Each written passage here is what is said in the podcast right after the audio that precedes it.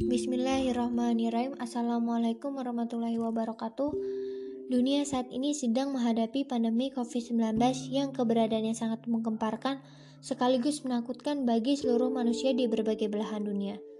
Maka peran pemuda saat ini sangatlah dibutuhkan karena memiliki jiwa penggerak yang sangat besar, penuh semangat, optimis, dan percaya diri. Kenapa pemuda? Iya, karena pemuda makruf dengan kesemangatan yang menggema-gema. Pemuda hari ini adalah pemimpin di masa esok jika pemuda hari ini tidak semangat, malas belajar, dan tidak mau menghadapi ujian-ujian, khususnya COVID-19 ini, maka jangan harap di esok hari akan hidup lebih jaya. Kalian jangan malas belajar, kalian juga jangan malas berjuang, karena kalianlah penentu masa depan. Lantas, apa yang dapat dilakukan pemuda Islam dalam membangun semangat keislamannya dalam masa pandemi ini?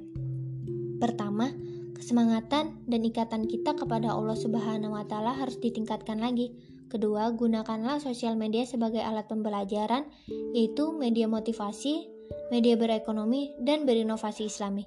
Bisa juga dengan mendengarkan kajian-kajian islami via online untuk menambah keimanan kita. Kekhawatiran akan generasi yang lemas itu sudah disinggung dalam Al-Quran surah An-Nisa ayat 9. Bismillahirrahmanirrahim. Wal yakshal lajina law taraku min khalfihim durriyatan diafan kaufun alaihim. Yang artinya dan hendaklah mereka takut kepada Allah orang-orang yang sekiranya mereka meninggalkan keturunan mereka yang lemah di belakang mereka yang mereka khawatir terhadap kesejahteraannya. Oleh sebab itu hendaklah mereka bertakwa kepada Allah dan hendaklah mereka berbicara dengan tutur kata yang benar Manusia harus khawatir meninggalkan keturunan mereka yang lemah. Secara tersurat, ayat itu mengingatkan kita untuk tidak meninggalkan generasi yang tidak ada biaya ekonomi kehidupan. Begitu kutipan tafsir Ibnu Abbas. Namun secara tersurat, bukan cuma dari segi ekonomi, tapi juga pendidikan serta moralitas pemuda sebagai generasi yang kuat dan tangguh. Doa saya untuk kalian semua, Semoga kita terjauhkan dari hal-hal buruk dan selalu diikatkan kepada kebaikan.